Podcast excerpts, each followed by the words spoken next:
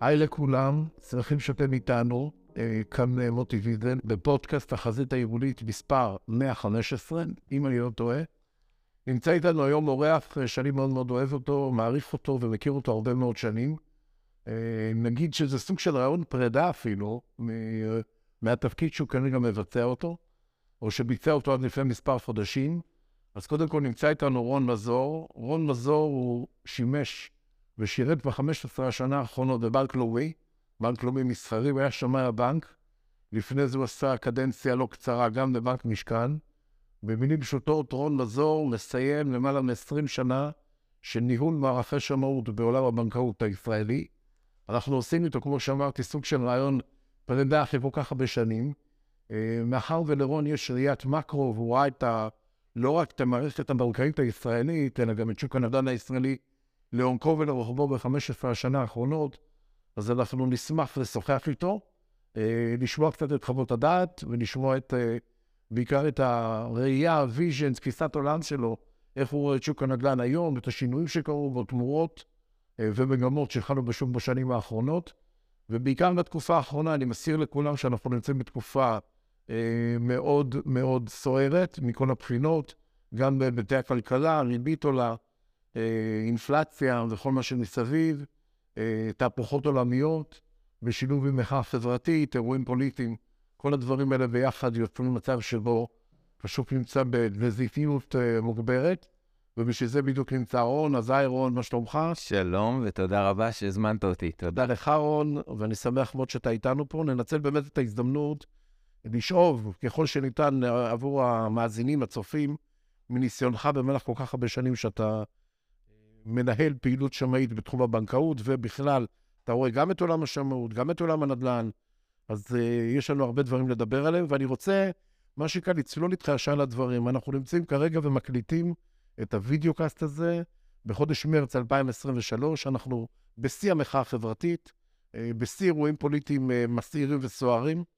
ריבית עולה, אינפלציה, שוק הנדל"ן נמצא בירידה אה, בסוג אני לא רוצה להגיד צלילה, אבל בירידה בחודשים האחרונים. רכבת הרים. רכבת הרים ממש, ובואו קצת נדבר באמת על המגמות. בראייה שלך, אתה בסך הכל סיימת רק בחודש האחרון, והפכת, מה שנקרא, להיות אה, שמאי עצמאי, כדי להביא את כל הניסיון שלך גם לשוק הפרטי. איך אתה רואה היום את השוק? מה המגמות שאתה רואה? מה התחזיות? בנק לאומי שרגע לפני, עוד לפני רגע יצאת ממנו, גם הוא הרי עובד לפי תחזיות קדימה. אז, אז מה עולם הבנקאות רואה, מה עולם השמאות רואה, רון? בהחלט תקופה אה, אה, מאתגרת, תקופה שכמותה אולי לא ידענו, אה, תקופה שמאלצת אותנו, או עוסקים בנדל"ן, להסתכל על הדברים אולי מעט אחרת, אולי קצת שונה, במטרה לראות איך אנחנו אה, ממצים ומצליחים לעבור את הים הגועש והסוער הזה סביבנו. אז קודם כל, ההכרה וההבנה של הדינמיקה, של התהליכים בשוק הנדל"ן, על הסיגמנטים השונים שלו, היא מאוד מאוד משמעותית להצלחה של כל העוסקים בעניין.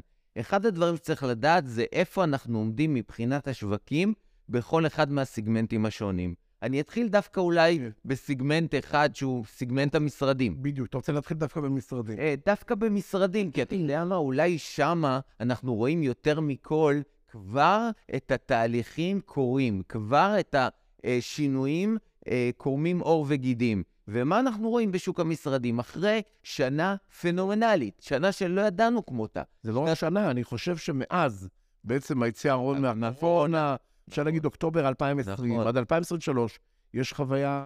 לגמרי. שנת חיובית, שנת 2021, מרגע יציאה הקורונה, 21 שברה כל השיאים האפשריים. ראינו עליות מחיר פנומנליות של סדרי גודל של 20% למעלה, בממוצע עליות... למרות שבנו, למרות שבנו המון.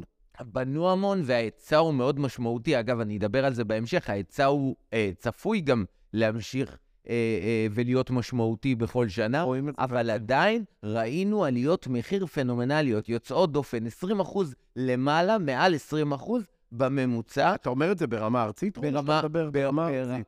אני, אני מדבר על אזור הביקוש העיקרי, אני מדבר על תל אביב.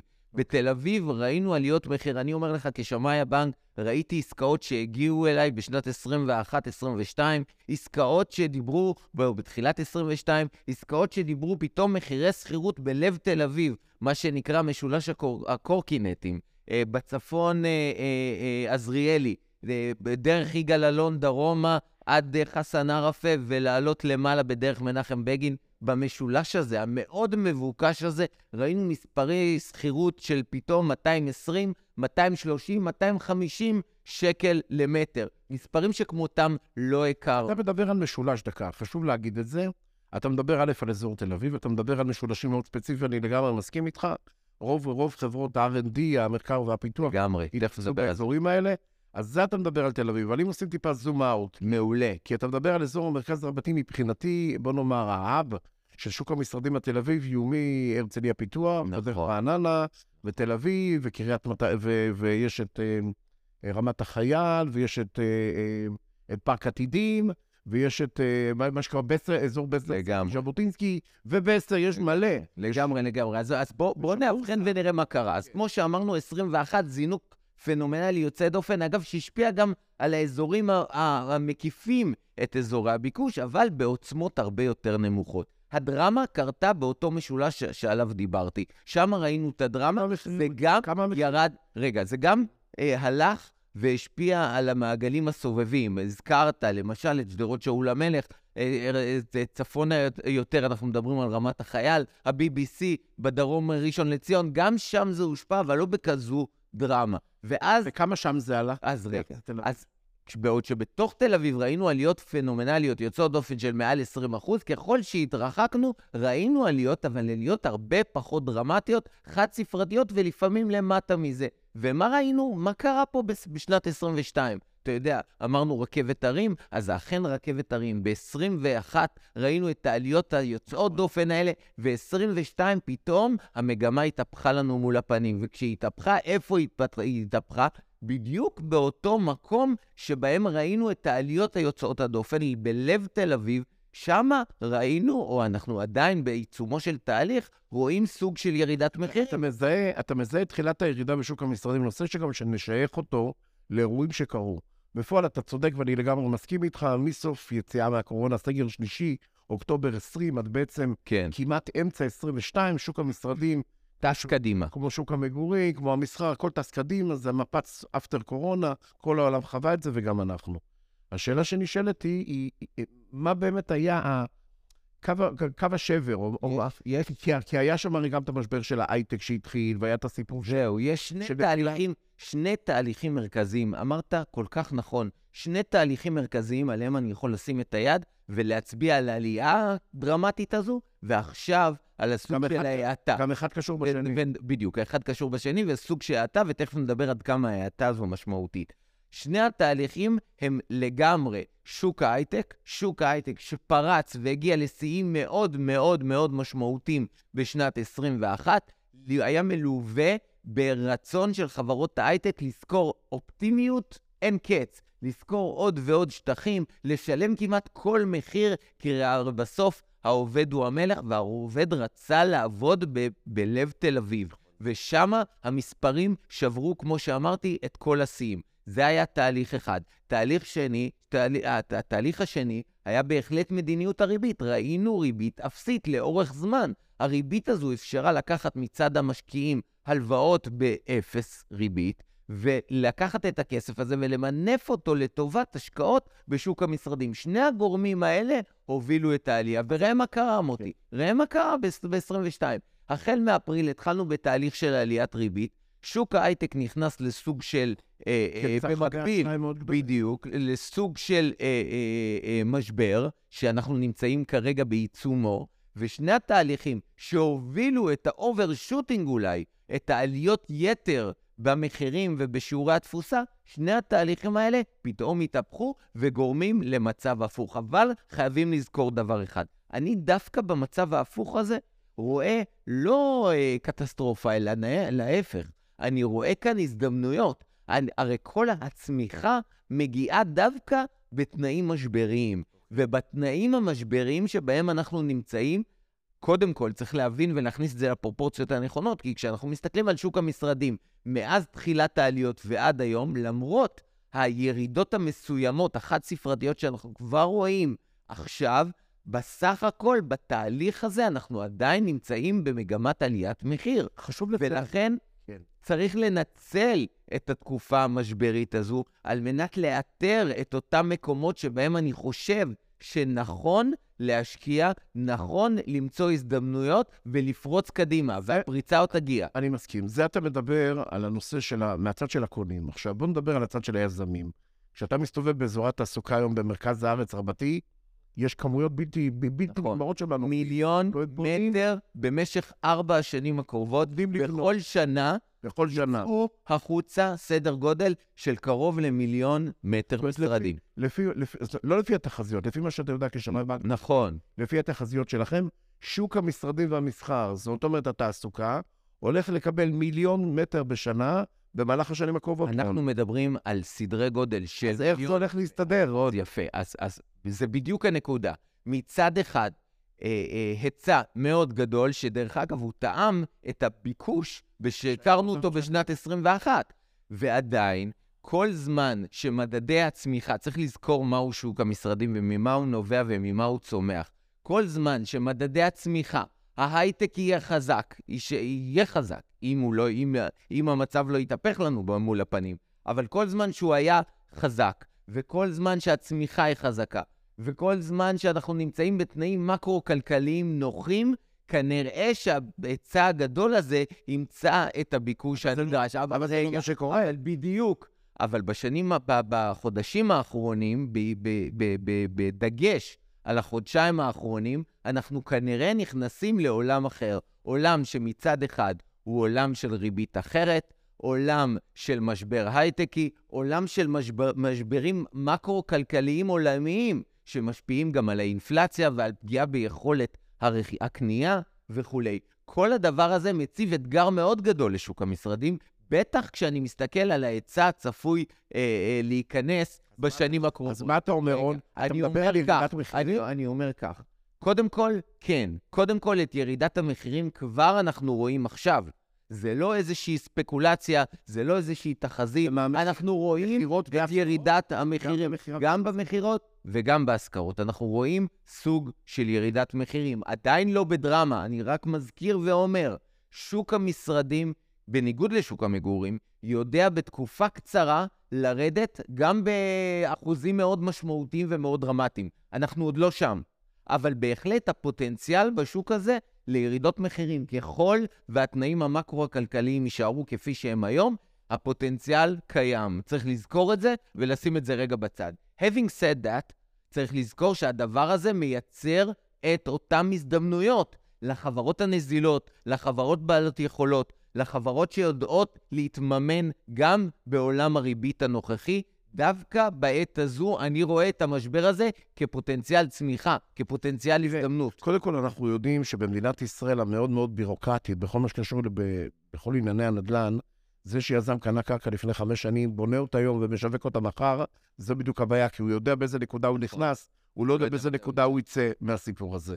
אז לאור מה שאתה אומר, אתה עדיין חושב ועדיין אומר שאתה כן רואה פוטנציאל לאורך זמן. עוד פעם, אה, מה שנקרא, אף אחד לא יודע את האמת, נכון. כי, כי מה שיקרה פה כרגע אחרי המחאה החברתית, או המחאה המשפטית, או כל הרפורמה, רק אלוהים יודע מה אפשר לקרות. לדעת לאן זה הולך. הפודקאסט הזה, אני חוזר עוד פעם, מוקלט בתקופה שאנחנו עדיין בחוסר ודאות, הדברים לא ברורים, אני מסכים איתך שאם הדברים ייפתרו, יכול להיות שיהיה פה אפילו מפץ מחדש, לגמרי. ויהיה עוד פעם ביקושים וכל מה שמסביב, אבל עדיין. אנחנו נמצאים בסביבת ריבית גבוהה, ולכן אני פה שואל אותך, דווקא בהיבט השמאי, דווקא מהניסיון הבנקאי שלך, הבנקים היום ממשיכים לממן, אה, בוא נאמר, אה, אה, לאשר ליוויי בנייה לפרויקטי משרדים בכל הארץ, זאת אומרת, באיזה נקודה הבנק מתחיל לנהל סיכונים, אני- מתחיל להגיד ולהגיד, או, מתחיל להגיד לעצמו, אוקיי, עד הנקודה הזאת, מה שנקרא, זרמתי, הייתי קל, האצבע על הדק הייתה יחסית קלה או סבירה, קרה משהו, אז מה קורה היום? המערכת הבנקאית מעולם לא הפסיקה לנהל את הסיכונים בצורה מדודה,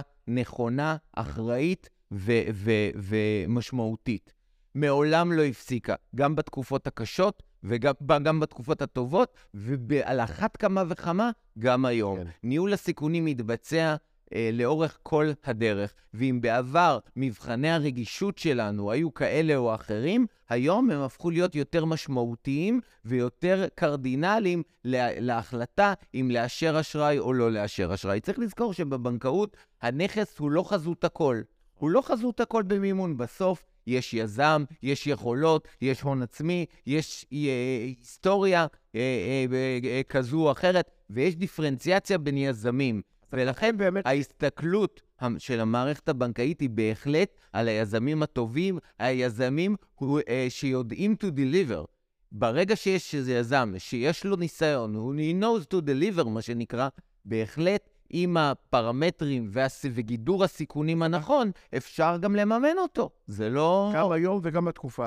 בכל מצב, בכל מצב. בוא נעבור רגע, אני רוצה, כי אנחנו מתקדמים בפודקאסט, בוא נעבור אה, קצת ונדבר על שוק המגורים. יופי, מעולה. כי זה לא, כי זה לא גזירה שווה, זאת אומרת, מה שקורה בשוק המשרדים זה עולם ה-B2B, business to business.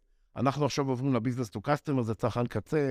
שוק המגורים תמיד היה ידוע בישראל כשוק החזק ביותר, היציב. ביותר, נכון. לאורך הרבה שנים, עם הכי פחות חשוף לתנודות. צריך לדבר בכמה. נכון, אני, א', אני מסכים מאוד, הוא הרבה פחות וולטילי משוק המשרדים, כמו שדיברנו עליו היום, וירידות מחיר בתקופות קצרות של 20%, כמו שקרה בשוק המשרדים, כנראה שלא יקרו בשוק המגורים. ממה זה נובע? פה סיפור ההיצע הוא מאוד מאוד משמעותי. אם במשך למעלה מ-15 שנה ידענו לייצר פחות מאשר צורכי הדיור השנתיים של מדינת ישראל, המחסור המצטבר הזה יצר בור לא קטן שעדיין מתדלק, או עד היום תדלק את המחירים כלפי מעלה. כשאתה מסתכל על ההשוואה ש... בין הבנק שעומד בפניו פרויקט יזמי בתחום המגורים לבין פרויקט יזמי בתחום המשרדים או המסחר, לא, אני, אני לא, אני לא... יש איזושהי דיפרנציאציה שהבנק... ברור שתמיד מסתכלים על המגמות בכל סיגמנט, אבל אני לא יודע להגיד לך היום אם בהכרח אני אבחר X ולא Y כבנק. עדיין השיקולים הם שיקולים רחבים שמתפרסים לכל מיני כיוונים. Having said that, צריך לזכור ששוק המשרדים מאז ומתמיד בארץ היה הרבה יותר יציב משוק המגורים, סליחה. היה הרבה יותר יציב משוק המשרדים המאוד וולטילי, מאוד נודתי, מאז ומעולם. מה אנחנו כן רואים בשוק המגורים? כרגע, עצירה. כרגע, וזה לא סוד, כולם יודעים, כרגע אין עסקאות, אנשים עלו על הגדר. מצד הקונים יש קושי מאוד גדול במדין, ב, ב, ב, בעולם הריביות שלנו. המשכנתאות המאוד גבוהות, להיכנס להתחייבויות ארוכות טווח. תשמע, התפרסמו נתונים אתמול, אתה ראית את הנתונים אתמול? איזה? נתוני המשכנתאות? בוודאי, ירידה דרמטית. היה גם, גם, גם נתוני מכירת דירות של חודש ינואר, אם אני לא טועה, דיברו על לא ראינו, לא 900 דירות. לא ראינו מספרים כאלה המון שנים. וזה בדיוק אותה עלייה לגדר. מההיסטוריה אנחנו יודעים, מכמה משברים שהיו לנו, שאחרי, שאחרי שכולם עלו על הגדר, ברגע שהם ירדו, ראינו את הגרף מזנה קדימה. האם זה יקרה עכשיו? כנראה שאנחנו בסוג משבר אחר ממה שידענו עד היום, וכנראה שמה שנקרא, אה, אני קורא לה אולי אפילו הסערה המושלמת, מדיניות ריבית גבוהה, אה, אה, בנקים אנחנו שומעים שנופלים בארצות הברית. אה, אי-ודאות פוליטית מאוד מאוד, אה, אה, אי-ודאות מאוד גדולה. גם משטרית. ביטחונית, משטרית, you name it. אתה צודק, בכל מושלמת. סוג של סערה מושלמת, מה יהיה התוצאות שלה, אי אפשר לדעת. אבל התחזית, התחזית כמו שזה נראה עכשיו, ואני לא אתחמק מתחזיות, ככל הנראה עד סוף שנה זו, אנחנו נראה סוג של ירידה חד-ספרתית ריאלית. צריך לזכור, ירידה חד-ספרתית ריאלית במחירים, כן. עוד הפעם, כי יהיה, לא רואים, בניגוד לשוק המשרדים, את זה עדיין לא רואים. כנראה שאנחנו הולכים למקום הזה, שוב, אנחנו לא נביאים, אנחנו... אתה דיברת עכשיו על שוק המגורים או שוק המשרדים? שוק המגורים. אמרתי משרדים, סליחה. אתה כשמאי, כאיש מקצוע, כשמאי בנק לאומי עד לא מזמן, לפני ממש... אני אומר כזה דבר. שאתה... לא, לא, לא, לא, אני אהיה מדויק, אני אהיה מדויק. כי אנשים מקשיבים לזה. לא, לא, לא, מצוין, אני רוצה שיקשיבו, אני אהיה מדויק. בשוק המגורים אנחנו עדיין לא רואים ירידת מחירים, אבל הדינמיקה של ירידת מחירים מתחילה בדיוק במקום שבו אנחנו נמצאים. והמקום שבו, שבו אנחנו נמצאים, ואמרת את זה קודם במילה, עצירה בכמות העסקאות, ירידה דרמטית בכמות המשכנתאות, ורק בשלב הזה הבא אנחנו נמצאים בפאזה של אם תקרה ירידת מחירים. אני חושב, אני חושב, התחזיות שלי, הם שככל הנראה, עד סוף שנה זו, סביר להניח שנראה ירידה חד-ספרתית באזורים מסוימים כאלה, במחירי הדירות, באזורים מסוימים בצורה כזו או אחרת. איפה אנחנו נראה? בואו נהיה יותר ממוקדים. שוב, בדומה לשוק המשרדים, באותם מקומות שבהם ראינו עליות מאוד משמעותיות במחירים, קרי, למשל, תל אביב, שם הפוטנציאל, גם מבחינת יכולת המימון, היא הרבה, של קניית דירה באזור uh, תל אביב, היא הרבה יותר קשה היום. שם הפוטנציאל הוא יותר גדול לסוג של uh, uh, ירידת מחירים ריאלית. נכון, אני יכול להגיד לך כזה דבר. אתה יודע, ירידת מחירים, אפשר להסתכל עליה בהמון המון צורות. אפשר להסתכל על uh, מחיר בסיס, הנחה שיזם קבלן נותן, והמחיר הסופי לצרכן. אבל אפשר גם להסתכל על זה בהמון היבטים, כי יש המון המון הטבות שוות ערך, שוות כסף, שכבר קורים בענף הנדל"ן. אני במקרה אתמול, איזה משרד פרסום שלח אליי, שש, שש, שש פרסומות שונות, עמודים שלמים או באנרים, של חברות שונות, שרוצות. שכולם סביב שני דברים עיקריים. סביב נושא הסבסוד משכנתאות, 50% תשלם לי עכשיו ו-50% נכון. בסוף. יש חברה שאפילו דיברה על 20 אחוז משווי הדירה נדחה ל-2030, זאת אומרת, אחרי שבכלל הדירה נמסרת, כן. עדיין אתה משלם את ה-20 אחוז האחרונים, יש סבסודי משכנתאות. זה באותם מקומות שהשיווק נעשה לפני היתר. זה עולה כסף לחברות, זה עולה גם מעט כסף. כשמדובר במאות אלפי שקלים, כפול סבסוד במשכנתה, זה עסק שעולה הרבה מאוד עשרות אלפי שקלים, יכול להגיע גם ליותר. מצד שני, אתה רואה לא מעט חברות שמוותרות על מדד, מדד תשומות הבנייה. זאת אומרת, הרי המדד השתנה ל-60-40. זאת אומרת, מוכנים היום לוותר גם על ה-60 אחוז שאמורים לשלם אותם, גם על זה אמורים... אה, אני... אני, אני אתה רואה את השווה ערך, כבר קורה. כבר היום, כבר היום אתה רואה אותו. השווה ערך אתה, קורה. אתה רואה את זה קורה, עדיין זה לא בא לידי ביטוי במחירים, במדדי המחירים כפי שאנחנו מכירים, ומכאן אני יוצא ואומר שוב, צריך לקחת בחשבון שהדבר הזה יכול לקרות בתהליך אה, הדרגתי, לא באבחה אחת אה, ולא באבחת סכין. אנחנו נראה את התהליך הזה קורה.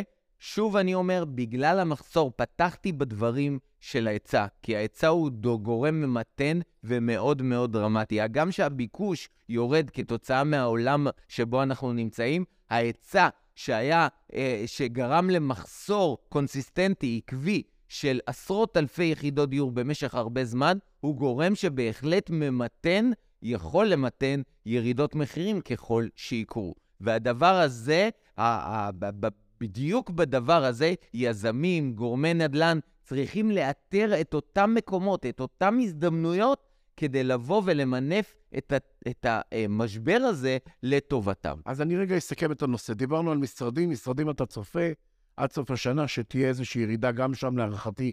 דיברת על אזור החד-ספרתי, בלי להיכנס לנקודות כאלה או אחרות. שוק המגורים כנ"ל. ברור שאתה מדבר על נקודתי, אתה לא מדבר על כל הארץ. לא, לא. אתה מדבר בכל המקומות. באזורים מסוימים. מדבר באזורים מסוימים שבהם יש עודפי היצע משמעותיים, ביחס לביקוש נמוך, אנשים על הגדר, יכול להגיע לירידה חד-ספרתית. אני רוצה רגע לשאול אותך דווקא משהו, בהיבט התחזיות, כאילו, בהסתכלות על התחזיות שלכם בתחום הריבית.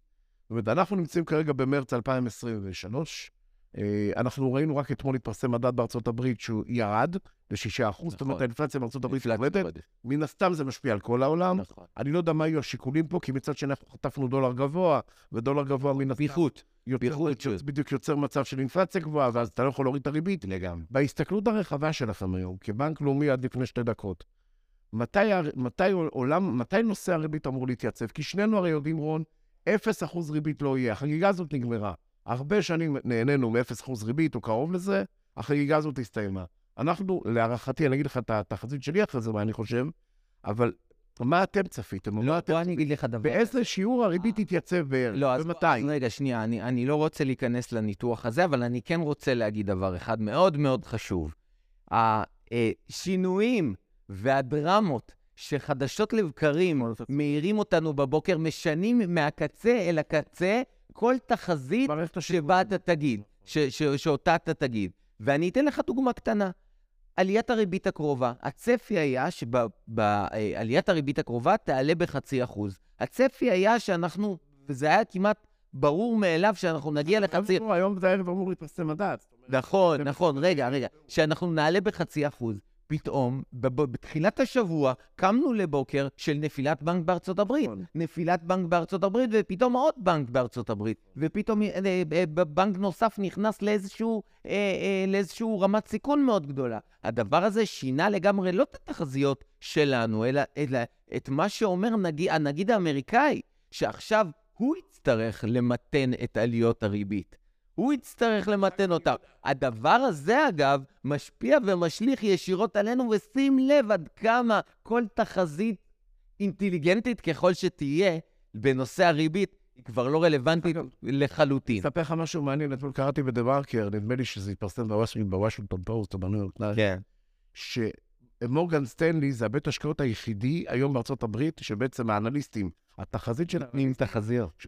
התחזית של האנליסטים בנושא הריבית בארצות הברית של הפד, הולכת להיות פעם ראשונה שהריבית החודש לא תעלה. זאת אומרת, כולם חושבים שהיא תעלה, הוא היחידי שחושב שהיא לא תעלה, בעיקר בגלל ה-SVB בנק וסיגנצ'ר בנק וכל מה שקורה כרגע. כן. אז דווקא הוא זה שמאמין שהריבית לא תעלה, ואם היא לא תעלה, מן הסתם זה יקפיץ את הבורסה, ונכון, מהר. עכשיו, קח, קח את, אותה, את אותו תחזית ללפני ארבעה ימים. לא, אני אומר לך, לא לפני ארבעה חודשים, לפני ארבעה ימים. התחזיות היו שונות לגמרי. לגמרי, אתה צודק. הרעיון היה הוא שהריבית תעלה. אז לבוא ולהגיד היום, אה, אה, אני חושב שהריבית תתייצב ברמה כזו או אחרת, מה אני אגיד? זה יומרני ב understatement. זה יומרני ב understatement, ולשם תראה, אני חושב שלא נכון שאנחנו נגיע. אני מבין, אבל אני כן יכול להגיד לך דבר כזה, תראה, ו- וזה בעצם ההתפכחות מהפטה מורגנה הרבת שנים הזאת של סביבת 0% ריבית. קודם כל, בוא נתחיל מזה שיש הרבה אה, זוגות צעירים שנכנסו לתוך עולם הנדל"ן, קנו דירות, השקעה או לא משנה מה, בתקופה שהם לא מכירים את מה זה 5, 6 ו-7 אחוז ריבית. הם לא מכירים עולם כזה, הם מכירים רק עולם נכון, של אפס ריבית. ופתאום קפיצה של 4-5 אחוז פשוט. הפכה להם לגמרי את החיים. יש גם המון יזמי נדל"ן, אני מזכיר לך. שלא מכירים עולם. יש יזמי נדל"ן שנכנסו בעשור האחרון לשוק הנדל"ן הישראלי והבינלאומי, וחיים בסביבה שהם לא מבינים מה זה. זאת אומרת, בדוחות האפס, הנושא של המימון נלקח בחשבון, לגמרי. כמעט ולא נלקח בחשבון. לגמרי, לגמרי, לגמרי. עכשיו, אני רוצה בדיוק לגעת נהיה במקום. הזה. בדיוק. רגע, אבל בהקשר הזה, אני רק עוד מילה. בהקשר הזה אני רוצה להגיד לך, וזה בעצם מבחינתי סיום החגיגה. החלחול של ההבנה הזאת, שאנחנו לעתיד הרחוק, לא הקרוב, וזה לא קשור כרגע לתחזיות של השנה, הולכים לחיות בסביבת ריבית גבוהה יותר, זה משהו שחלחל, מחלחל ועוד יחלחל. לדעתי אצל היזמים לקח זמן, אבל זה חלחל מהר מאוד, כי זה כל חודש דופק בכיס. ל- לעם ישראל זה מתחיל לחלחל כשרצים לבנק, ורואים פתאום את החזרי המשכנתה עולים. אז זהו, עכשיו... אה, לא, לגמרי. מה, ש, מה שאני רוצה להגיד הוא ש... תראה, אני בתוך המערכת הבנקאית מעל 20 שנה כבר. ראיתי את הכל.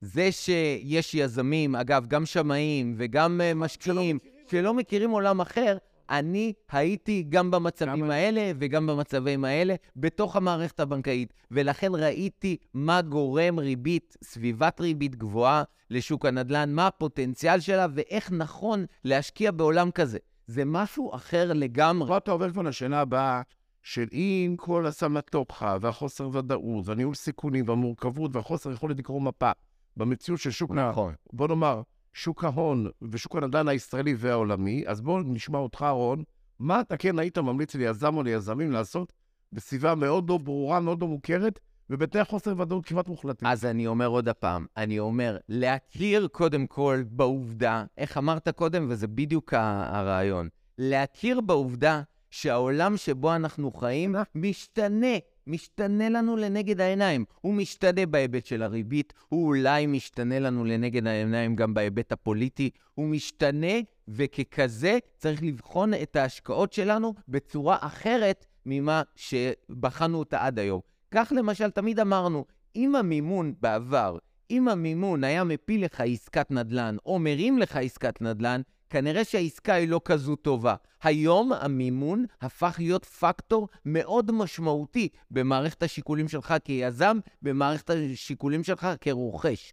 ומה מה שעד לפני חצי שנה זה כמעט... שעד לפני חצי שנה זה לא קרה, לא היה פקטור.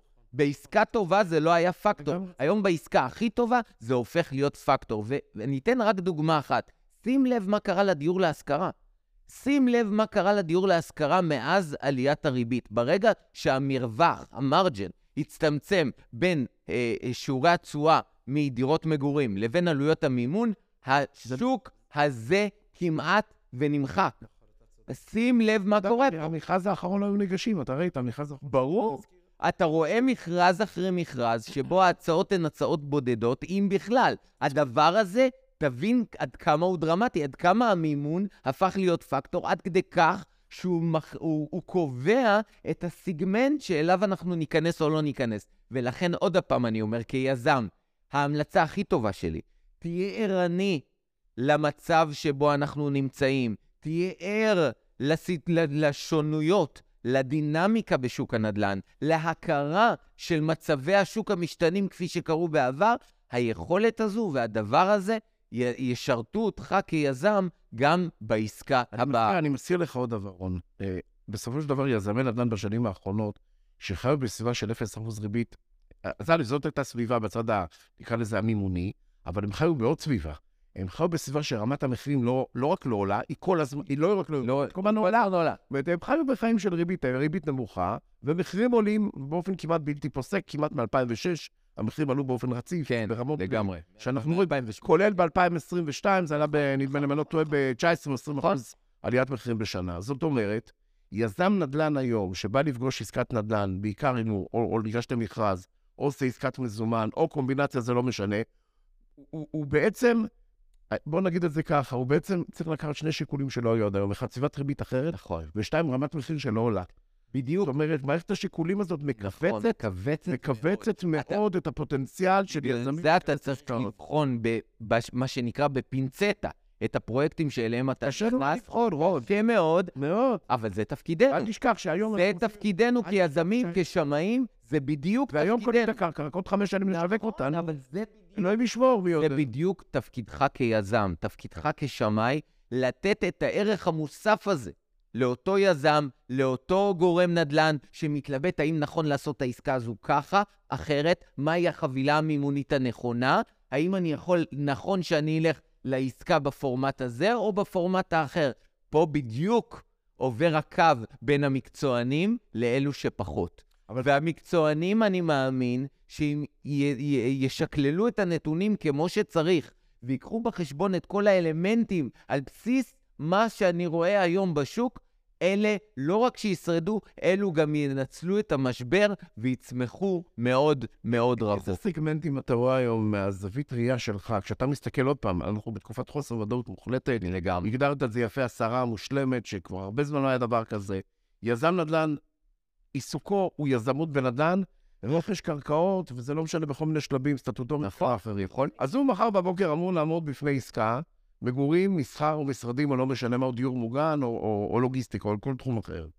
אז אני, אני איזה אומר, סגמנט היית אז- מציע לו בכלל לבחון אותו? זה כל כך ראייה לכמה שנים? לא, לא, לא, לא. זה כל כך לא נכון להצביע ולהגיד זה הסגמנט הנכון, כי זה, זאת תהיה טעות. הרעיון הוא לבחון את מגוון האפשרויות שעומדות בפניך באותו רגע נתון, לשקלל את הנתונים החשובים לגבי התחזיות ולגבי מה שאני מכיר, ובאותו מקום, בהתייחס לפרויקטים ספציפיים, ואנחנו עושים את זה היום אגב, אנחנו עושים את זה ליזמים שמתלבטים בין זה לבין זה, ואם זה, איך זה, בדיוק זה, לשם אנחנו נכנסים. כן, אבל עדיין, רון, אני, אני עדיין טוען, לא משנה, אתה יודע, זה כבר דיון פילוסופי, אני עדיין חוזר וטוען שכשאתה מדרג את מדרג הסגמנטים בענף הנדל"ן, יש סגמנטים בטוחים יותר, עם סיכונים יותר. יש, סגמנטים הרבה יותר מסוכנים, נכון. יותר ספקולטיביים, עם רמת ניהול סיכונים גבוהה יותר, נכון. רווחיות גבוהה יותר גם כנראה, אבל גם רמת סיכון גבוהה יותר. אתה בעצם בא ואומר, כשמאי בנק לאומי, מה שנקרא, כמו שאמרנו עד לפני כמה דקות, אתה בעצם בא ואומר, רבותיי, אנחנו בשוק וגלים, אנחנו בשוק מאוד מאוד מסוכן, ההסתכלות היום על השוק צריכה להיות מאוד מאוד מאוד מאוד זהירה, מאוד שמרנית. לא, לא, הייתי, לא הייתי אומר שמרנית, אלא הייתי אומר אה, אה, הסתכלות מאוד אה, דיפרנציאלית. זו הסתכלות מאוד אה, בוחנת, לעומק. האם נכון להשקיע בעסקה כזו או בעסקה אחרת? על בסיס מה? על, על בסיס, על בסיס... על, בס, על בסיס אבל זאת- היכרות, על בסיס היכרות של השוק כפי שהוא התנהל עד כה, ועל בסיס תחזיות לאן אנחנו הולכים מפה. על בסיס זה. ואני לא אומר, ו- ו- ואמרתי רגע במילה, אף אחד לא שוק יכל... המגורים למשל הוא הרבה פחות תנודתי משוק המשרדים. עכשיו, זה לא בהכרח נותן עדיפות לשוק המגורים, כי תלוי איפה, באיזה היקף וכמה ולמה. כל דבר צריך לבחון לגופו של עניין, אבל בהחלט במתודות, שווקים שהם יותר יציבים, כמו שוק המגורים, הם פחות הרפתקנים משווקים אחרים. עדיין, עדיין, having said that, כמו שאני אומר, יש לנו עדיין שווקים של, אה, למשל, השוק המסחרי, ששווה לה, לה, להגיד עליו אה, מילה, שמאוד תלוי צריכה, מאוד תלוי צמיחה במדינת ישראל, מאוד. ככל שההערכה שלי לגבי נתוני הצמיחה הם חזקים יותר, אני יכול להיות יותר רגוע בהשקעה בשוק המסחרי. אגב, הלוגיסטיקה שפתאום קפצה לנו מאז הקורונה והגיעה לשיא, שברה את כל הסקין. חלקה הגדול זה ספקולטיבי, רון. כן, לגמרי, לגמרי. דבר זה ביקוש. בדיוק, בדיוק, כי אנחנו רואים מחירי קרקעות ללוגיסטיקה ששברו כל שיא אפשרי, כל שיא אפשרי.